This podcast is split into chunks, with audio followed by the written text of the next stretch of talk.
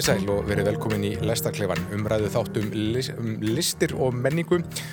Klefin líður áfram eftir hlikkjóttum bylgjum útvarsins næstu klukkustundina eða svo á þessum síðasta förstu degi marsmánaðar. Það mun vera einmánuður núna, samkvæmt gamla norræna tímatalinu, sem er síðasti mánuður vetrar, henda kuldalegt út um að lítast. En vorbúðatir eru einhverja síður færðin að láta á sér kræla. Það er á meðal hönnunamars sem var settur í gær og stendur fram yfir helgi. Við ætlum að ræða í þessum þætti. Við ætlum líka að tala um dauða, sorg, en með gaman sem við ífaði eins og það byrtist í sjónvarsattunum Afterlife eftir Ricky Gervais og þá tölum við um plötuna Afsaganir með tónlistamanninum Auði. Hún kom út í fyrra en hann heldur útgáðu tónleika í gamla bíó í kvöld. Og hingað í læstaklefan eru konur þrýr góðir gestir. Það eru þau Alli Bodlason, tónlistar og menningar rínir og ef lengra afturleita þá bara tónlistar maður vast í springjuhöllinni hér í, í fyrir áratugu eða svo. Lóa Hlín Hjálptíðsdóttir, teiknari og tónlistakona og Pétur Gretarsson, tónlistar og dagskrafgerðarmadur hér á Rás 1. Verið velkomin alls umil. Takk fyrir. Takk, Takk fyrir. Við skulum byrja í sjónvarpinu á gaman drama þáttunum Afterlife með Ricky Gervais sem eru síndir á efninsveitunni Netflix. Gervais er að sjálfsögðu hvað þekktastu fyrir þettina The Office sem breyttu landslæginu í gríni um meðan síðasta áratug. Hann hefur gert nokkra þáttaröðar í kjölfarið og bíómyndir sem, sem ekki náð sama flugi en hann er líka gríðarvinsall uppistandari og nýtur þess að ganga fram af fólki og er ákaf, ákafur talsmaður dýravendar og trúleisis. En Afterlife sem Gervais skrifar leikstýrir og leikur aðalhuturkið í, þetta fjallar um Tony sem hefur nýverið mistið eiginkonu sína, algjörlega bugaður af sorg og fer í eins konar sjálfstortímingar vegferð uh, þar sem hann skeitir skapið sín og öllum í kringu sig og segir hvað honum býr í brjósti umbúðalöst uh, Pétur, hvað fannst þér um þetta nýjasta framlag Gervais? Ég var mjög hrifin mér finnst þetta frábært, ég er mikill aðdáðandans og, og hérna horfi gætnan á uppistandið hans. Hann er með svona já, eitthvað einstaktt laga á því að koma frá sér gríni og núna alvöru. Og það er til dæmis ókleimalegt í síðustu uppistanssýningans þegar, þegar hann segir frá jarða fyrir móður sinnar sem að maður grínast nú yfirleitt ekki mjög mikið með mm. en hann gerir það mjög fallega mm. og mér finnst hann vinna mjög vel úr þessu efni þar sem eins og þú lýsir, hann er svona alveg bugaður og, og eina ástæðan fyrir því í þessum þáttum hann tekur ekki sitt eigi lífi er að þá er engin eftir til að gefa hundinum þannig að hann fléttar saman þetta, þessa ást sína á ferfallingunum og hann er nú þekktur fyrir það að tala málið þeirra. Og svo er þetta næmi hans fyrir umhverfi sínu sem kemur hérna mjög skýrt í gegn. Hann er vinnur á svona staðardagblæði og það eru mjög fáir starfsmenn og, og, og svona virka í fyrstu þáttunum daldi sérkennilegir, undarlegir jafnvel. En hann gerir þetta þannig hann, hann er tekst að sko draga fram mannúðina í hverjum og einum. Og þannig að, að það eru öllum gerð mjög góð skil mm. finnst mér. Mm. þannig að þetta er daldi magnað þetta finnst mér. Já, uh, Alli þú, þú horfður á þess að þetta líka? Ég horfður á þess að þetta, já já og ég tek alveg undir, ég, ég reyfst að þessum þáttum. Ég er engin sörveis aðdándu ég er reyndar ekki grín aðdándu ég horfi mjög lítið á grín. Já Ég hef ekki gaman að gríni ég sækist allavega ekki eftir Nei. skulum ég segja, kannski það er kannski réttara en ég, þetta var virkilega skemmtilegt og hérna uh, en við var kannski á endanum eins og þú segir sko, þú, þú, þú segir að núna er hann farin að gera alvur og það er kannski finnst mér raunni frekar í forgrunni í þessum þáttum, þeir eru fyndnir vissulega mm -hmm. en mjög alvarleir og, og, og þetta umfjöldunarefni er náttúrulega mjög rauninni spes og í rauninni þegar ég var að horfa á þetta þá hugsaði ég, akkur er ekki til miklu meira efni sem fjallar um ástuna missi sko? Um, þannig að mér finnst þetta, þetta mjög ferst að því leiti bara að því þú ert að tala um hann hann hefur gert allum skil hann á skrifstofunni. Mm -hmm. ég nefnilega eitt, svona, eitt af sem eitt af því sem pyrraði mig við þess að þætti var í uppæði, bara í fyrsta þættinum þá er hann að, þá kynnustu honum og við erum að hlusta á konuna hans, hlusta á vídeo sem hún Já. skilur eftir, svona til hans og þá kynnistu líka þessari stelpu Sandy sem er að byrja mm. og þetta er bara svona alveg sko í upphafstættinum er þetta alveg klift saman og maður fær næst í það tilfinningan að þau veri sko, já, stóra personur Já. svo týnist hún eiginlega alveg sko og mér finnst hún einmitt fá alveg svona furðulega lítið vægi, sko, á endanum náttúrulega finnur hann eitthvað í henni, hann svona það er aðeins, hún hjálpar honum að sjá heiminn í nýjuljósi en upp að mjög litlu marki, mér, mér fannst hún svona e- eiginlega sísta við þáttinn, sko. Hún er svona bildið passífur áhorfandi. Já, að því að þú veist, maður held, já, hún er, hún er mjög passív og hún bara fær ekkert vægi, hún er bara til hliðar, hún er, maður sér henni í fyrsta þættinum og svo er hún alveg í bakgrunni næstu fjóra og kemur svo aðeins í loka þættinum, sko. Hún er svona eins og fulltrúi sko okkar áhærenda. Já, svolítið, en mjög passív sem slíkur, sko. Lóa, hvernig fannst þér þessi? Já, ég finnst það skemmtilegir. Ég var, ég var bara svona með á við hérna, heitir ekki Derek, Derek. Þættirnir sem hann var ekki Derek. Der, der, Derek, já, já. já. Ég var mítið að reyna að tengja. Það er líka svona sinnfaran starfsmann á, á elleimili. Já. Og hérna, e, og þar fannst mér pínu erfitt að horfa á hann af því að hann var að leika greindarskertar mann sem er svona eldfimur staðir að vera á og mér leiði betur sem áhorfanda að horfa á hann þarna sem svona syrkjandi eiginmann. En já með þess að stelpu ég, ég skilgótt við með að því þá, hún var, þá var karakter að vera svona eins og faratæki fyrir hans sögu en ekki alveg persóna skilji, ég uppleiði það smá en mér finnst hún vera já, ég hafði ekki tamgin áhuga á henni ég hafði miklu meira áhuga á hérna vændiskoninni, vinkonans var mjög skemmtileg. Deborah, nei hvað hétt hún? Hún er Daphne, Daphne, já, ég en man. kallaði sér Roxy. Já, Já, sem, hann, kefti til þess að þrýfa heima. hjá sér. já, einmitt. Já, mér finnst hún miklu meira spennandi og hérna, og mér finnst gaman þegar að fólk kemur óvart í þáttum. En, já, en, ég, já, ég er sammáli, sko, mér finnst það gaman, mér finnst hann fyndnari heldur en Derek, þó að hann væri sorgleri, mm. af því að ég var ekki í einhverjum svona, svona varnarstellingum gagvar þáttunum. Einmitt. Og hann líka er oft svo leiðilegur við aðra en mér finnst hann vera svona þrývíðari karakter. Já. að eins og ég hérna idiota brot, hann gengur svo rosalega langt en hann, náði einhvern veginn að hemja sig í þessu. En þetta er, um, þetta verður svolítið skálkarskjól, þetta hlutskipti söguhetjunar, hann er sirkjandi ekkill já, og maður finnur til með honum út af því en hann notar það sem svona að því að Rikki Gerris hefur ununa því að ganga fram á fólki.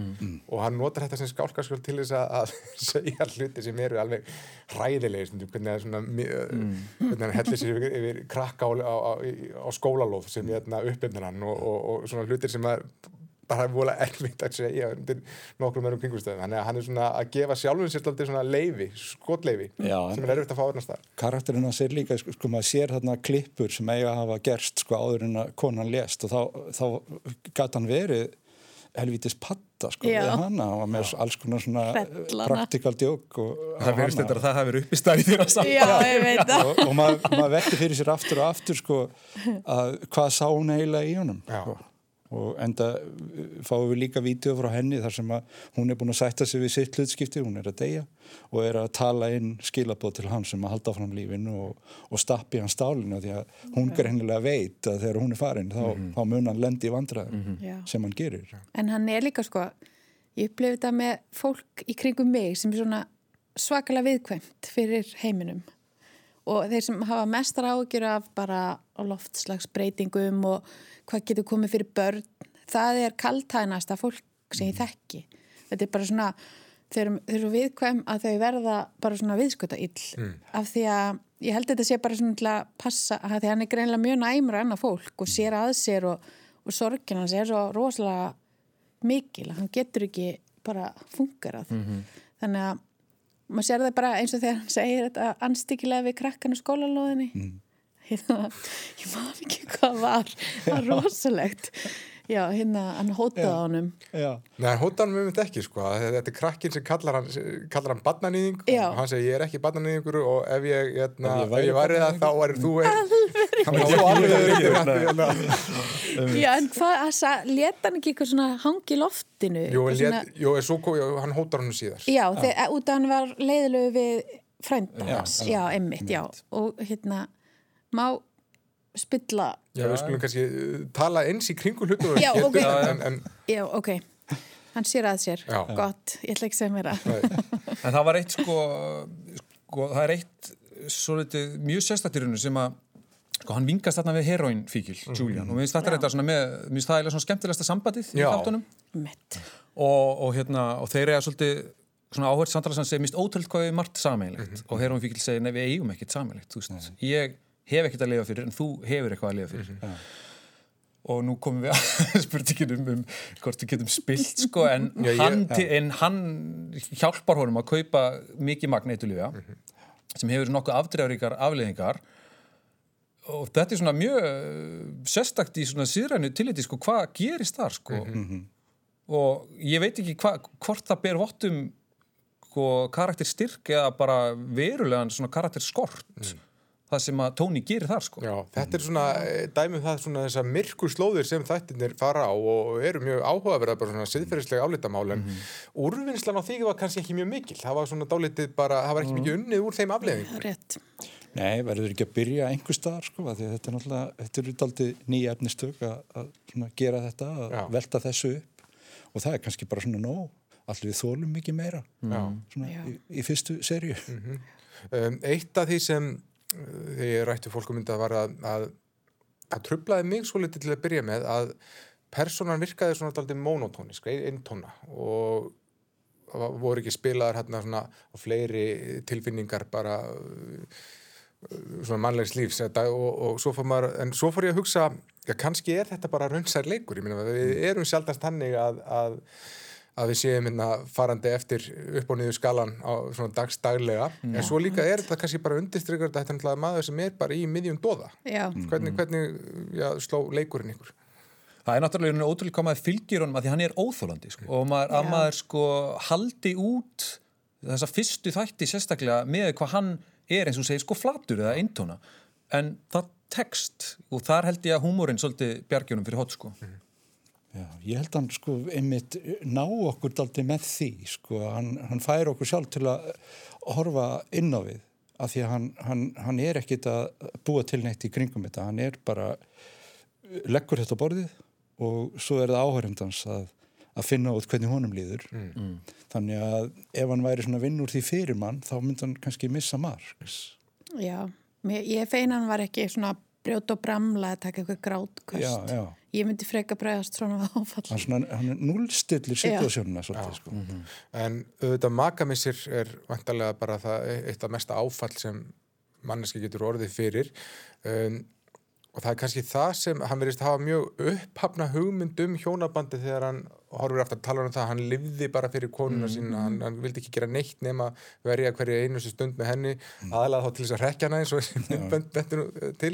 Um, maður veldi fyrir sig var þetta er er þetta svona sannfærandi mynd sem er dregin upp af sorgarviðbröðum eða það er kannski ekki til neinn einn sérstök mynd Mm, það er nú svona það. dæmiger viðbröð við, við, við sorg Ok, eitt hérna mjög einkennilegt ofinberra smá hérna, skrítið áhagamál. Ég hef unun að því að fylgjast með vídjum af fólki sem er að ljúa. að því mér finnst það svo áhugavert. Og uh, aðalega fólk sem hefur framir hryllilega glæpi og er að ljúa. og, síðan, og sérstaklega gaman ef að koma sérfræðingar og lesa í sviprið og svona.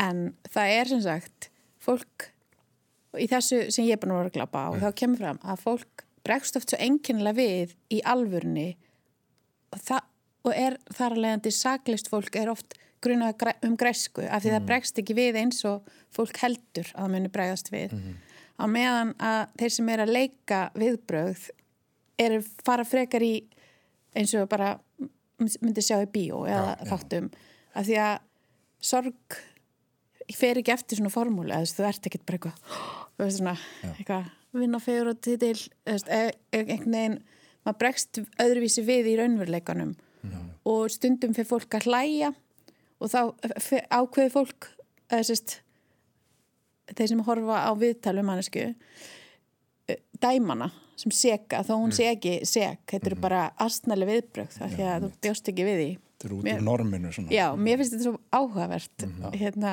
að því að ég kemur fjölskyldu þar sem við hlæjum á svona mm, já, vandræðalegum stöðum Já. og, og bregðast við áfalli með að vera svona einhvern veginn e- í staðan fyrir að gera þetta smekklega eða einhvern veginn rétt. Bara gráta almennilega. Já, Já, það, það er til dæmis, uh, það er mjög þæ- þægileg og góð tilfinning þegar maður hefur sko fengið að hlæja í jarðaför Já, sem dæmi, ég þekki það og mann eftir svoleiðis tilögum, en mér einmitt þarna í þessum þáttum, þá er það kannski svona hverstagsleikin sem er svo uh, rosalega yfirþyrmandi og, og, og minnst það koma því svo vel yfir að, að það heldur allt áfram. Já, þú veist, þú, þú missir alveg kjölfestinu í lífinu en allt í kringum þig heldur áfram eins og ekkert hafi í skorist þannig að dauðin er svo hverstagslegu hlutur Í rauninni er ótrúlega hann halda áfram að til dæmis mæti vinnu, sko, með Já. hvernig hann, hvernig hann líður, sko. Já, Já, það er nú útskýrt ágætlega hvernig hann bara heldur vinnunni og það er bara því að þetta er máur hans sem, sem er rittstjórinn og svona, er svona heldur þetta, hlífinskildi yfir honum og svona. En ég hugsaði mitt fyrst og mér fannst þetta svo litið ósamfærandi hvað hann var upptekinn af þessari upphefnu hugmynd af, af uh, eiginkonunni. En svo fór maður að hugsa mitt í, í samhengi við sorgina, þetta er kannski þá eftir bara eitthvað samvinskubill líka sem getur gert það að verkum að það sér allt í svona mikilli glíu og mm -hmm. líkt um, Þetta bæjarblað sem hann vinnur á í þessum, smábæð, þetta eru eintuminn skrýtlingar sem hefur verið að tala við, það er fólk sem sér um, andlitsmyndir út og miklublettum á veggjum hjá sér og þess að þar Uh, var þetta ekki kannski aðeins og svona einsleitt skrumarskundi því mað, maður sá hann hafa ránst til raun allavega einu sinni sem hann kemur í veg fyrir. Það voru nú alveg verið mál hann til að fjalla um. En það var náttúrulega sama gengið og hafði rænt konu mannsins sem hann var að sína hann um miklublega. já, og hann hefur sjálfur orðað því tóni minn, akkur ringdi hann ekki í okkur út af því? En þetta er einhvern veginn sko, bæði verið skang út af þetta á að vera, og hann kemst að þeirri neðistu sjálfur. Þetta er bara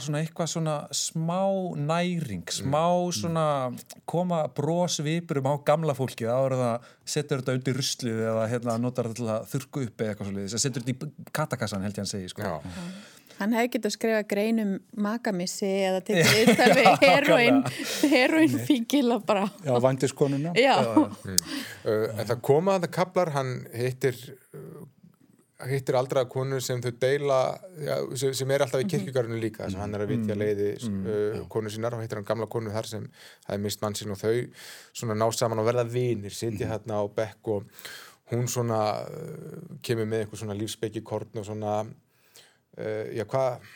Hún í rauninni gerir það sem að sko maður heldur að Sandy Já. sé að fara að gera. Hún í rauninni svolítið uppfyllir það hlutverk sko.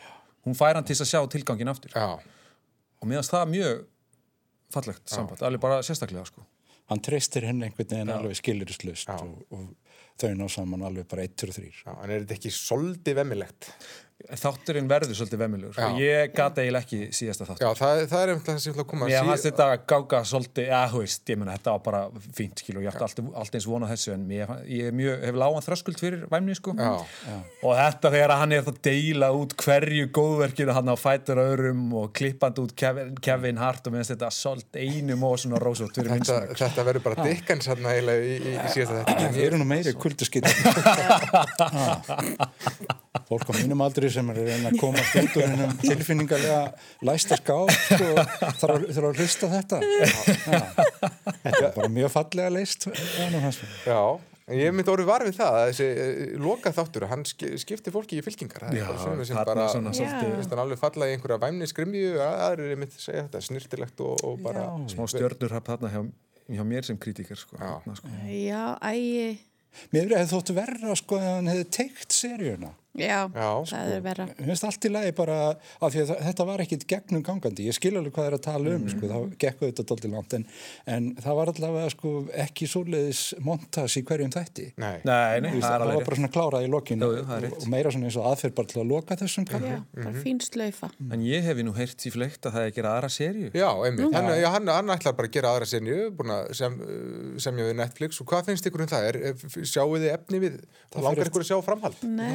sjáu þið efni við, það langar fer ykkur að sjá framhald? það Nei, fer eftir Nei. í hver teg eiginlega ekki. Mér finnst það finnst vombrið í rauninni finnst það, því að það sem að mér fannst óksla næs við þessa serju sem greindar kannski kemur að hluta til til að því að ég horfi frekar lítið á Já. en mér fannst þessi sko heildarbói sem er dregin upp í þessum sex þáttum vera ótrúlega næs Já. þú veist hvaða er svona bara hvernig stig af stíi hvernig hans karakter kemst aftur í sambandi hans fyrra líf og hvernig hann hafnar þessum neikvæða tilfinningum mér finnst það mjög flott, ótrúlega flott gert og þá vil ég bara, mér finnst svona mjög er bara snirtilegt, bara búið að loka því og ég þarf ekki að hitta hann aftur, ég er bara búin að kynast þessari sögu sko. Já. ég held að Rikki sér veis að ég frekar að spara peningin og sk sk skrifa eitthvað nýtt bara Já, þetta er umlega freysnivandi sjónvarsins að það er þegar sjónvarserjur sem hafa bara upp að miðju og endi Já. ef það ganga vel að þá er þessi freystingin að halda áfram. Ég held að sé nú þa- þannig hugsandi maður sko, hann finnur einhverja leið til þess að finna annan vingil sko, Já, er, eins og ég segi, það er ferðaldi eftir í hver deyr sko, Já. í næstu serju. Ég, ég giska á að verið hundurinn. Já, það geti, já, náttúrulega hann. Þá farið þetta í einhverja alltaf rátt. Já, og svo á hann líka föður hérna sem er með, með Já, heila. sem er alveg út úr heiminum. Já. og hann var að fara á stefnumót En byrju, vitið það fyrir víst að það deyr einhver annar? Nei, Nei, meina að þetta er sama já, sko. einmitt, Já, nákvæmlega. nema að sé að fara, hann ge- getur ekki verið Afterlife 2. Já, já, já, eftir eftirlíf. já, já, einmitt. ég finnst maður ágjör að þú sérst að missa mikið af góður sjómasefni Æ, það fólk er alltaf að segja mér að horfa okkar sjónvarpum, ég, ég kemst aldrei gegnum eitt þátt. en þetta er golden age of ég- television. Það er frábært að horfa sjónvarpi í dag. Allir hefur rúglega ágjör að því að við séum að missa af alls konar öðru. Já, já, alls konar bara- við erum alltaf fyrst yfir Það er einhver experimental tónlist sem að þú ert ekki að komast í texti, sko. ég er búin með þann kapla En við skulum einmitt fara við skulum einmitt fara úr sjónvarpinu yfir í tónlistina en þó ekki alveg óskild þemu það er nefnilega karlmennskan og í Afterlife þá er að miðaldra karl á lágpunkti tilveru sem opnar hjarta sitt upp á gátt en á plötunni Afsakanir er það ungur tónlistamæður Auður, eða Auðun Lútersson eins og hann heitir réttunafni sem bera sig inn að kviku með berrsöglum textum um eigið líf og uh, við grípandi R&B skotna poptóna. Þetta er hans önnur platta, hún kom út í fyrra, fekk mikið lof og prís og það er fyrst núna í kvöld sem auður heldur útgáð tónleika í gamla bíó. Allir, þú hafðir ekki hlusta mikið á þessa plötu áður en ég sett ykkur það fyrir, fyrir þennan þátt. Bara alls ekki. Hvernig fannst þér, svona, stendur hún undir því mikla lofi sem á hana hefur verið borið? Ég er svo sem þekki það kannski ekki nákvæmlega en mér finnst þetta að vera ótrúlega flott plata, já. Og hérna, þetta var bara svona, uh, ég, veist, hún kemur kannski úr þessari rap-senu þó að við kunum kannski tala eins það eins og eftir en þetta er ekki rap-plata, sko, þetta er bara pop-plata í rauninni. Og mér hefur þótt svo margt úr þeirri senu svolítið upp og ofan, sko segja, svona mjög, mjög blandað. Þannig að ég svona nálgæðist plötuna að varfærni, skulum við segja. En hún virkilega opnaðist fyrir mér og hérna, þetta er svona hálgerð konseptplata. Já, Mér er svona, eða þú veist, sem fjallar um það eru sambandslit sem að maður sem veit ekki alveg út af hverju verða en það er vandalega út af einhverjum einhverju, einhvers konar rýtlirkjum sem hann drýr, framíhaldi eitthvað slíkt. Og hérna, og svo er hann bara að vinna úr því og fer aftur á jammið og deyfir sig með kannabisefnum og, og fleira. Og svo svona og er að díla við svona, geð, svona geðvanda já, á já hann, hann er á þunglindisleifjum og, og, og um maníu og slíkt og svo svona bara lokast á ringur og þetta er gert bara, þetta er bara, þetta er stutt plata 35 mínútur og, og mér var hugsað að sumuleiti til eða plata sem kom út fyrir 10-15 árum sem að hérna Grand Don't Come For Free með Streets sem að var líka svona mjög svona Já, plötu. sem er svona mjög svona sem er mjög einföld saga sem er bara svona sögð út í gegn og sumuleiti bara eins og sjómanstáttur og bara orð fyrir orð svolítið. Uh, og mér finnst- mér finnst það vera ótrúlega flott, hvað þetta er mikið svona hildarverk og bara músíkin er ótrúlega ótrúlega flott líka, sko, þetta er svona mjög mikið sem gengur á sem við skulum bara koma, sko Já, hann auðun er lærður jazzgítalegari, Mm. hann pródúsir þetta sjálfur Mhm. og mikið grúfi í þessari plötu, hvernig, hvað segir slagverksleikarin? Um þetta, Já, það? ég, ég sá hérna, hvað segir maður, auði mm, Já, ég, ég held að það sé bara eins og hvernastandi auður, ekki eins og, eins og ríkidæmið auður. Nei, einmitt, ég sá hann spila á tónlistavelunum og ég var svona fyrir dálum vombriðum að því að hann var með playback og svona og, en svo datt ég inn hérna á uh, útsendingu hérna og þess stúdíu þar sem hann var með alveg hörku band Já, bara fyrir og það síðan. var bara allt annað upp á tenningnu og bara helvítið skemmtilegt sko, flott og miklu meira grúf í gangi. Mér finnst platan svona sko, hún er skemmtilega uppbyggð sko, með að tengja hana saman með einhverju svona stúdíogjálri og, og, og þessu og, og, og konseptið er bísna stert þetta er aldrei mikið sem dynur hann á ungum manni og, nú er greinlegt að það er ekki verið að tala til minnar kynsluðar sko. Það er mjög langt síðan að ég hef verið friðin sko. Já, en hann er svona hann er hittin á svona krækjur sko. Og þegar maður er að hlusta sko, þá, þá er maður farin að humma með mm. en maður gleymir því aftur sko. það er ekki, minnst lögin ekki vera svona, uh, svona það er ekki mikill substans í lögun sko. maður mann þau ekki en það er ekkit endilega kannski máli nei, sko. þau, Þetta svona, þetta sitja vel, þau sitja Já. vel á með þessu gangi já, já, lif ekki... og, og vel flutt og, og svona pínu eintóna sko Já, en, en mér finnst platan góð sko Já, Lóa.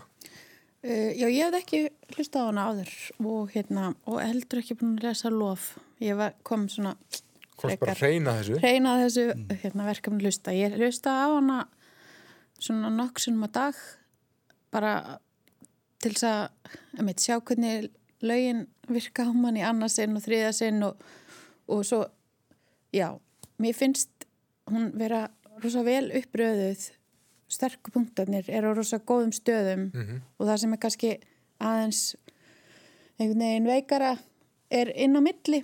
Þannig að mér finnst hún vera svona eins og gardina, svona vel upphengt gardina og hérna já, mér finnst þessi slægi með honum og Guðrúnu.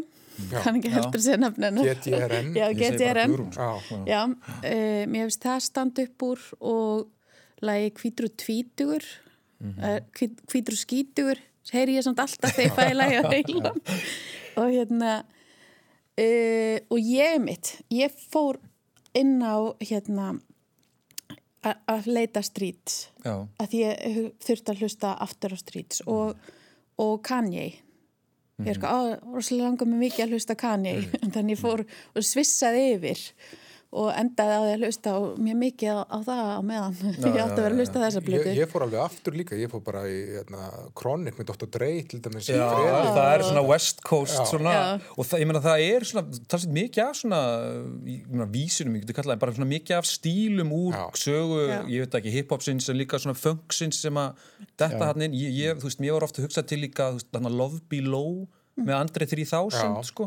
Já, svona mikið í, veist, þar var svona þetta jazz sound tekið talsveit föstum tökum og skeitt við svona soul einhvern söng og hann gerir það oft og svona, þú veist, hip-hop er oft mjög hægt og sérstaklega í setni tíð hefur það verið bara, sko, fara niður í veist, 55 slög á mínútu eða eitthvað. En þetta er oft frekar svona hröð og hressileg lög samt með þessu hip-hop fíli, sko. Já, bara svo erfitt með uh, rím á íslensku í svona lögum af því að þegar að hvað, ást rímar við brást en brást er í vittlur sér tíð þá byrja svona leiðréttarinn í mér bara Þau bragir að þau þeirra mótbala. og Ég er sko næst, ég er næstum bara. því komin yfir svona pæling Já, ég get það ekki en það er sko leitt sumt bara Já. fljúa fram hjá mér en svo ef er hitt, það heyrist alltaf sami haustum á mér ég fíla ekki þannig Já. svona le- leiðréttinga endurtekningar í sjálfur mér. En uh, já, sko efnislega ég er rosa fegin að þessi platta sé ekki skrifið til mín. Að ég myndi ekki vilja fá svona afsökunarbeðni ég myndi bara bara já, herru, þú hefði ekki veit að senda mig bref og hérna, ég nenni ekki að ræða þetta.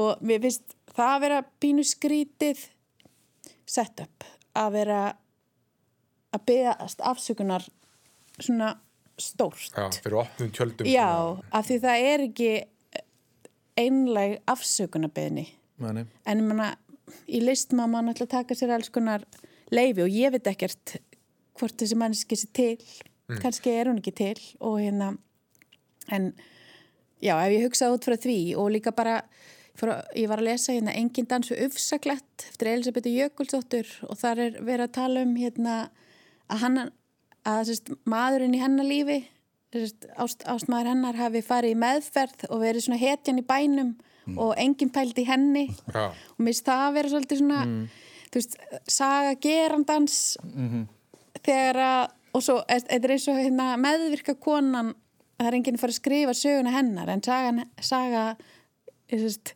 alkoholistans verður skrifuð. Já. og mér, ég fór að hugsa ég fór að hugsa neginn þannig slóður að hugsa bara hérna eh, skilja ykkur Ég, algjörlega, ég, er alveg saman, sko, ég held og þetta er alveg svolítið í, í þessum geira, það, ég veit ekki, hvernig kalla þetta nýju einlægnina eða eitthvað, en oft er einlægnin, eh, hún er meira af, þú veist, hún er, þetta er, na- hún er narsisísk, sko. Um, og svona stundum lætist það mér svo grunn að þetta væri, þú veist, þessi plata væri svona þú veist, 35 mínútna selfie, sko, en mér finnst hann þetta réttu megin, raunverulega, sko. Ég, svona, ég var aðeins að báða máttum en eftir því sem ég hlustaði betur og meira þá, þá fannst mér eins og þetta væri, já, innlægni sko, og þannig til dæmis að tala um Þannig að hann er skýli sér ekki á bakunni, sko, hann alveg svona skilislust játar og hann er ofta að tala um hann er veikur, sko, hann orðar að þannig og hann alltaf týnir til hann bara manju og siðblindu og einhverja hluti sem að eru náttúrulega ekki kannski klíniskar greiningar hér en, en sko, en hann segir ég get ekki, þú veist, það, ég get ekki skilt mér á bakið, þetta útskýrir ekki hegðun mín með neinum hætti, sko, og mér finnst það Já. svona sápunktur svolítið næs, sko. Ég sammála því. En er þetta svona að verður minni verður hegðun þín eitthvað skárri ef þú gengst við þinn og segir, herru, ég veit alveg að það sem ég gerði var, var hún frekar skýtlegt, en, en hérna, ég ætla að semja lag um það og sjáðu, ég er búin að gangast við því en farði í rauninni bara síðan rós fyrir það og Já. Ég upplifði þetta nefnilega ekki sko, sem svona sko, persónulega yfirlýsingu. Nei. Ég upplifði þetta miklu frekar svona sem stílfæringu Já. og hann sé svona tala fyrir mun heillar kynslu. Já, Þetta, er ekki, að þetta sé ekki einn aðili Já. af því að sá aðili náttúrulega þyrfti að vera mjög sterkum lifjum og bara helst lokaður inni ef hann ef hann einhver einn sem staða bak við þetta allt saman þannig að ég upplýði það nú ekki, ekki þannig ég er svona meira bara að hlusta á bítinn og, og hvernig Við erum, við erum líka oft svolítið gjörn á að lesa hlutina svona æfisugulega frá, frá höfundum og bara, en, en maður getur náttúrulega líka komið hinnum meginn frá og bara, 100%. þetta er bara einhver að, að Já. ungu maður að tala bara fyrir hönd sinnar kynnslóðar eitthvað, eitthvað slíkt. Já, en sagan er samt ein. Já. Já. Já, já, það er sko, þannig að þetta er ekki margar sögur. Nei. Nei. Nei. en þetta geti verið heimur sem lýsir kannski Jú, jú, svona einhverju sem að, og ég menna og ég held að hann gerir það, Já. að sjálfsögðu, sko, hérna kemur bara þetta persónulega verður að hérna almenna hérna. Já, ég las einhvers staðar einhverjar aðtóðsemtir um það að hann væri að, að sko tala fyrir notkun fíknefna Mhm. og ég skildi þetta alls ekki þannig sko. Nei, í það er Þau ekki. vera svona, svona frekar vera, já, vera svona baggi á honum en hitt. Já. Sko. Mér, ég, mér finnst bara eins og hann og, og að þau nefndur Guðrún þetta eru mjög flottir fulltrúar.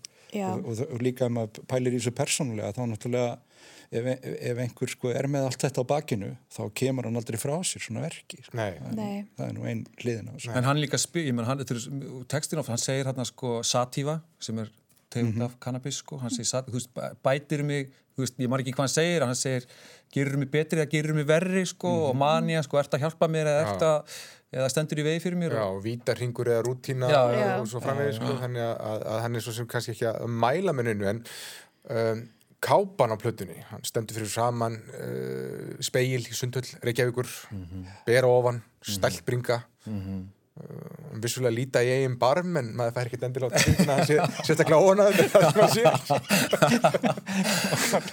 Nei, veit, já, ég vegna, hugsa- já, ég held að það sé það sem að sko, að sumuleiti, ég held að þessi mynd kannski stóði í vegi fyrir því að ég gæti, að þá festist ég í þessu, sko, er þetta einlægni eða er þetta svona, nars, svona meira narsísiskari einhvern veginn yfirlýsing, sko. Ég- En ég er náttúrulega, sko, ég er tölvöld, tölvöld eldri en hann og ef ég hef gert plötu fyrir, ég veit ekki, ég veit ekki eins og hvað hann er gamall.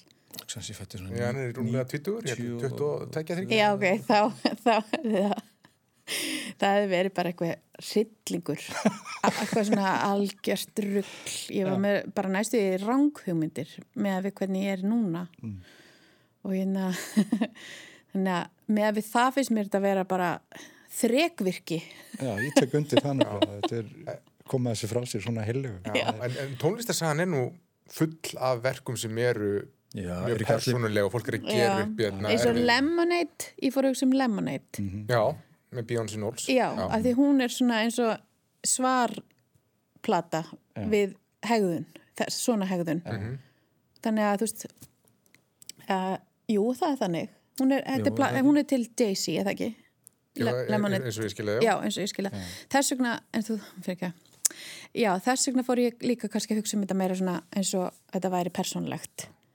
Þetta væri, já, Sko, fyrri plata bref til einhvers. auðar Já. er í rauninni eins, sko. Hún er, hún er bref til, sko, kæristu sem er í, í skiptinámi. Já, Alone, hétt svo plata Já, er það ekki? Já, ok. 2017. Ég veist það ekki. og, hérna, og hún er líka svona blæ, blæðir all saman og gott ef að hérna, það er eitt, svolítið skemmtilegt í lokalæginu, hvítur og tvítur þá svona detta inn stefur já. fyrir lögum Mitt. Og hún gerir, það, gerir henni mjög svipaða hluti en hún er á ennsku og hvernig hann er að hlusta á eitthvað á ennsku og hérna, og, en og er bara ekki, er ekki er flott plata sko, er mjög Já. fín plata en þessi er miklu flottari. Uh, punkturinn er bara að sá að, að þetta er svona eitthvað mótíf sem hann hefur valið sér. Þetta eru bref sko, þetta Já. eru svona löng bref og aðeins að ég, ég þekki auðun aðeins en ég, þú veist, ég, ég held að þetta sé uh, raunverulega afsökunum eða hann líti svo á sko. Já. En það kannski skiptir ekki máli bara Nei, fyrir, fyrir hlustanda. Hann getur ræðu því bara hvernig hann getur, 100%. getur uh, hlusta á hana. Um, það sem mér fannst flott við textana, að Mhm. rýmið trublaði mér nú ekki, en, en hins vegar að þeir verða aldrei bókstaflegir þessi textar, þótt þeir séu mjög skiljanlegir og skýrir og þess að en þetta verður aldrei einhvern veginn það, stundum verða te svona persónuleg textar það bókstaflegir að það verður eiginlega alltaf vandræðilegt, Já. en það gerist aldrei á þessari plötu, mér. Nei, það er svona meira í líkingamálinu. Hann er að stinga tilfinningarlegum fleig í, í síðuna og einhverjum og svona. Jú, Já.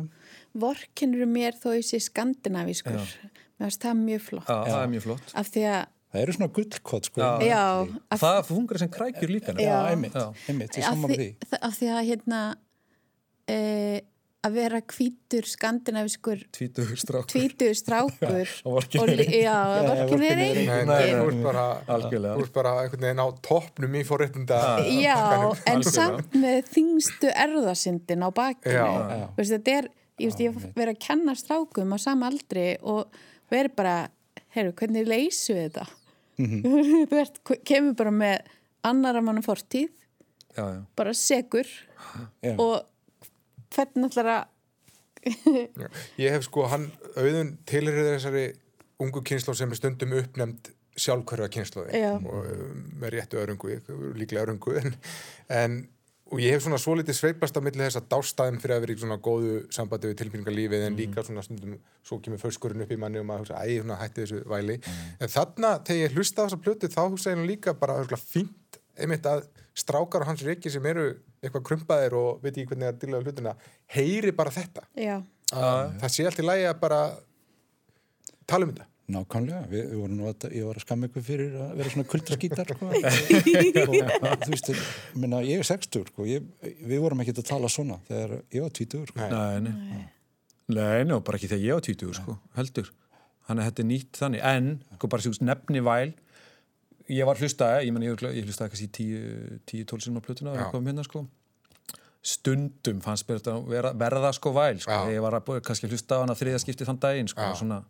Svona. mamma ávæla þegar maður en tvítur það var sem ég hugsaði, það má, ég meina, það má bara væla, sko. Já, það er, En- en, Já. Já, en hérna, mm, ég samt held að 68 kynsluðin sé alveg á pari við sjálfhverfu kynsluðina í sjálfhverfu. sko, ég, ef ég les eina æfisögu í viðbót eða þarf að hlusta eitt bítalega í viðbót þá bara springur æði austum á mér.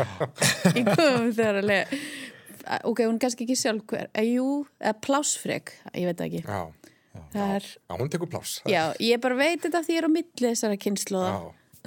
um, en auðun hlaut tvenn verlun á íslensku tónlistarverlunum uh, bara fyrir viku eða tímum vikum annars vegar þessi lagahöfundur ársins og svo fyrir plötu ársins í flokki raftónlistar. Það kemur ónöðulega svo litið spánsti fyrir sjónir ljósi þess að þetta er mjög svona lífræðin plata. Það er meiri hljóðfyrarleikur en hjá mörgum í dag. Já, ég heldur endar sko að því ég var að nefna þetta þegar ég sá hann hann með playbackinu Já. og svo, svo hér í þessu stúdiói þá svona átti ég nú kannski vona að heyra meira á plötunni af svona sem að maður myndi upplifa sem, sem lifandi hljóðfræði Já. að því þú talar um þessa jazz-tengingu hans þannig að ég bara vona að hann noti það meira sko, það verið svona aðeins lífrætni nálgun sko, það er, það er eiginlega það sem að, sem að hættir að vekja áhuga minn eftir nokkrar hlustanir. Það minnst ekki alveg nóg mikið spunnið í, í bítinn sko. Já. ég held að hann- er með Þorvald Þór og trommur í hljónstinu og mm það verið miklu meira, meira gaman sko. já, Mér fannst þetta mjög skrítið sko, allt í lagi, ég, ég, ég skilst að tónlistafélagin virki þannig að þú tilnefnir sjálfur í flokk. Og það held ég kemur til að því að fólk var orðið óanægt með hvar það, í hvaða flokk það var skipað. Já. en mér finnst þetta nú komið út fyrir allan þjóðaból, verð ég að segja. Já því þetta er auðvitað ekki auðvitað má karpu það hvað er raftónlist og ekki en ég menna öll poptónlist í dag, meir og minna er raftónlist. Já. og hérna, ég held að raftónlistaflokkurinn hafi ekki verið hugsaður fyrir pop, ég get mér sko ég held að þessi platta, hún hefði fyrst geta farið í pop sko, síðan rap og síðan eiginlega jazz áður en hún kemi í raftónastaflokkin sko. svona það finnst mér lógiskast í rauninni. Hann er að mér finnst þetta kannski ágætt tækjaverið til þess að aðeins að velta í fyrir sér bara hvort að, þessi, hvort að þetta eigi að vera svona sko. Og líka er þetta ekki komið út í smá rugg mm. veist, í pop-deildinni það er besta plata pop, rock rap þjóðlaga tónlist og raftónlist. Og hvað, jafnvel eitthvað meira? Og þetta er sóknarfæri fyrir FM Belfasti til um því eitthvað bara í, í floknum þjóðlaga tónlist. Já, ég bara, sko ári. mér finnst glataða keppilist og svo finnst mér líka ég finnst skoðan á þessu, glemt að segja ykkur að. Og hérna, mér finnst aðstöld að tilnefna sjálfan sig, ég bara nenniði ekki. Þannig að við gefum út sjálf Já. og útgáðufélagi þarf að sjá um það og við erum tvö með þetta, þannig að ég bara Þannig þið hafið ekki verið að tilefna ykkar plötur eða? Nei, Þetta er þessi munur sko á markasverlunum og fagverlunum. já Það leggja pening með svo sé hægt að halda verlunin. en ég verður frekar bara til ég haldi eitthvað ball Þú bara skellir í það já, einhverju hlöðu Já, en við skulum skella okkur yfir í arð, aðra salma. Það er Hönnunamar sem var settur í gæri 11. sinn. Þetta er helsta uppskeruháttíð hönnuða og arkitekta á Íslandi. Ég held ég hafi talið yfir 100 viðburði nú um helgina í, í bæklingnum fyrir, fyrir Hönnunamars. Fjöldi þáttanganda er vantilega talsvert fleiri. Þannig að úr og grúir saman hverskins hönnun, það koma þekktir hönnuður utan úr heimi og halda fyrirlestra og það myndist, myndast mikil partístemning. Lóa, þú ert teiknari og þú tekur þátt í hönnunamars Já. og hefur sem gert áður. Um, ef þú horfir áratug aftur í tíman, hver finnst þér svona helstu áhrifin af þessari hátíð hafa verið? uh, á hönnuna menning á Íslandi Já, það er kannski bara svona vitund bara og almennings og bara leikmanna fyrir, Já, sko, ég tek eftir því á skrýttum stöðum Já. og líka bara á, á mjög svona ellum stöðum. ég tek eftir því til dæmis með nefndu mína upp í listáskóla. Uh, mér finnst eins og heimurinn hafi opnast og, og minkað í raun og veru fyrir þeim. Svona eins og það sé bara alveg svo erfifskerði fyrir tónlist já, að það sé svona bara faglegt og brúi yfir til annar landa og þetta sé einhvern veginn nær og þau taka þátt oft mörg og svo er náttúrulega hérna já, eða, mér finnst þetta að hafa sérstaklega verið hvetjandi fyrir unga hannuði já, og hérna ég ætla hann að finna mun á því. Og svo ef ég er búin að vera að kenna krökkum að teikna og ég læti stundi teikna bara svona rugl og svo setja ég fyrir lista teiknaðu hérna, ílmenni, teiknaðu er breyttu þessu í hérna, plöntu og svo var einn flokkunni sem var hérna, eitthvað sem þú myndi sína hönnunamars Mm. og þau skil, skildu það bara já, það bara, það er svona, já, er hérna, lampi fyrir hönnunumars, bara hm.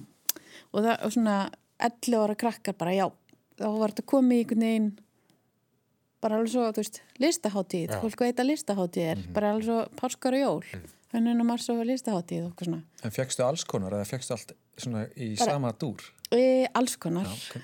það voru örfáir sem bara vissi ekkert um hvað ég var að tala mér ást það að vera svona svona fyndin, svona talandi um brú og allir, þú ert ekki hönnuður en þú hefur tekið þátt í hátíðinni, ekki satt? Jú, ég hef gert fyrir nokkuð út tveim eða þreymur ár síðan. Já, Jú, algjörlega, ég meina, þú veist, uh, ég áhuga á þessum mörgum hönnunar og myndlistar. Já, er og hérna, uh, góði vinnu minn er grafiskur hönnur og, og hérna, margverlunaðir og hann, ég spurði hann einhvern veginn að þessu sko, hver er, hver er mununa, því maður sé svo mikið sérstaklega í þessu samingi svo hönnunum sem maður sé, hönnun sem maður sé kannski ekki fyrir sér sé beinlýs funksjónal sem maður er kannski, maður hugsar hönnunni funksjónal, myndlist ekki, það er svona grófi línundar, hann segir sko munurinn er, munurinn er sko is there a client sko Þú veist, Já. er einhver, að, er panta þetta en síðan náttúrulega dettu það líka niður því það var náttúrulega engin sem að þú veist, pantaði mín verk á hönnunum var sko Nei. Og þessi síning sem að þú bentir okkur á hérna uppi í Hafnarhúsinu Já. hérna Nordic Now Nordic Now, Já. Þú veist, hún var mjög áhugaverð í þessu tilliti fannst mér Já. þú veist, þarna voru, jú, vissulega svona langflest voru húsgögn einhvers konar eða ljós, en svona það var svo teikt allverulega á því hva, hvers, hvernig húsgögn getur verið funksjónal þar, Já. það var áhugavert Já, það er eitt sem svona hönnun hefur, allt, hefur lengi haft svona svo litið stigma því þetta eru nýtja hlutir, varningur, fjöldaframleitt og mm.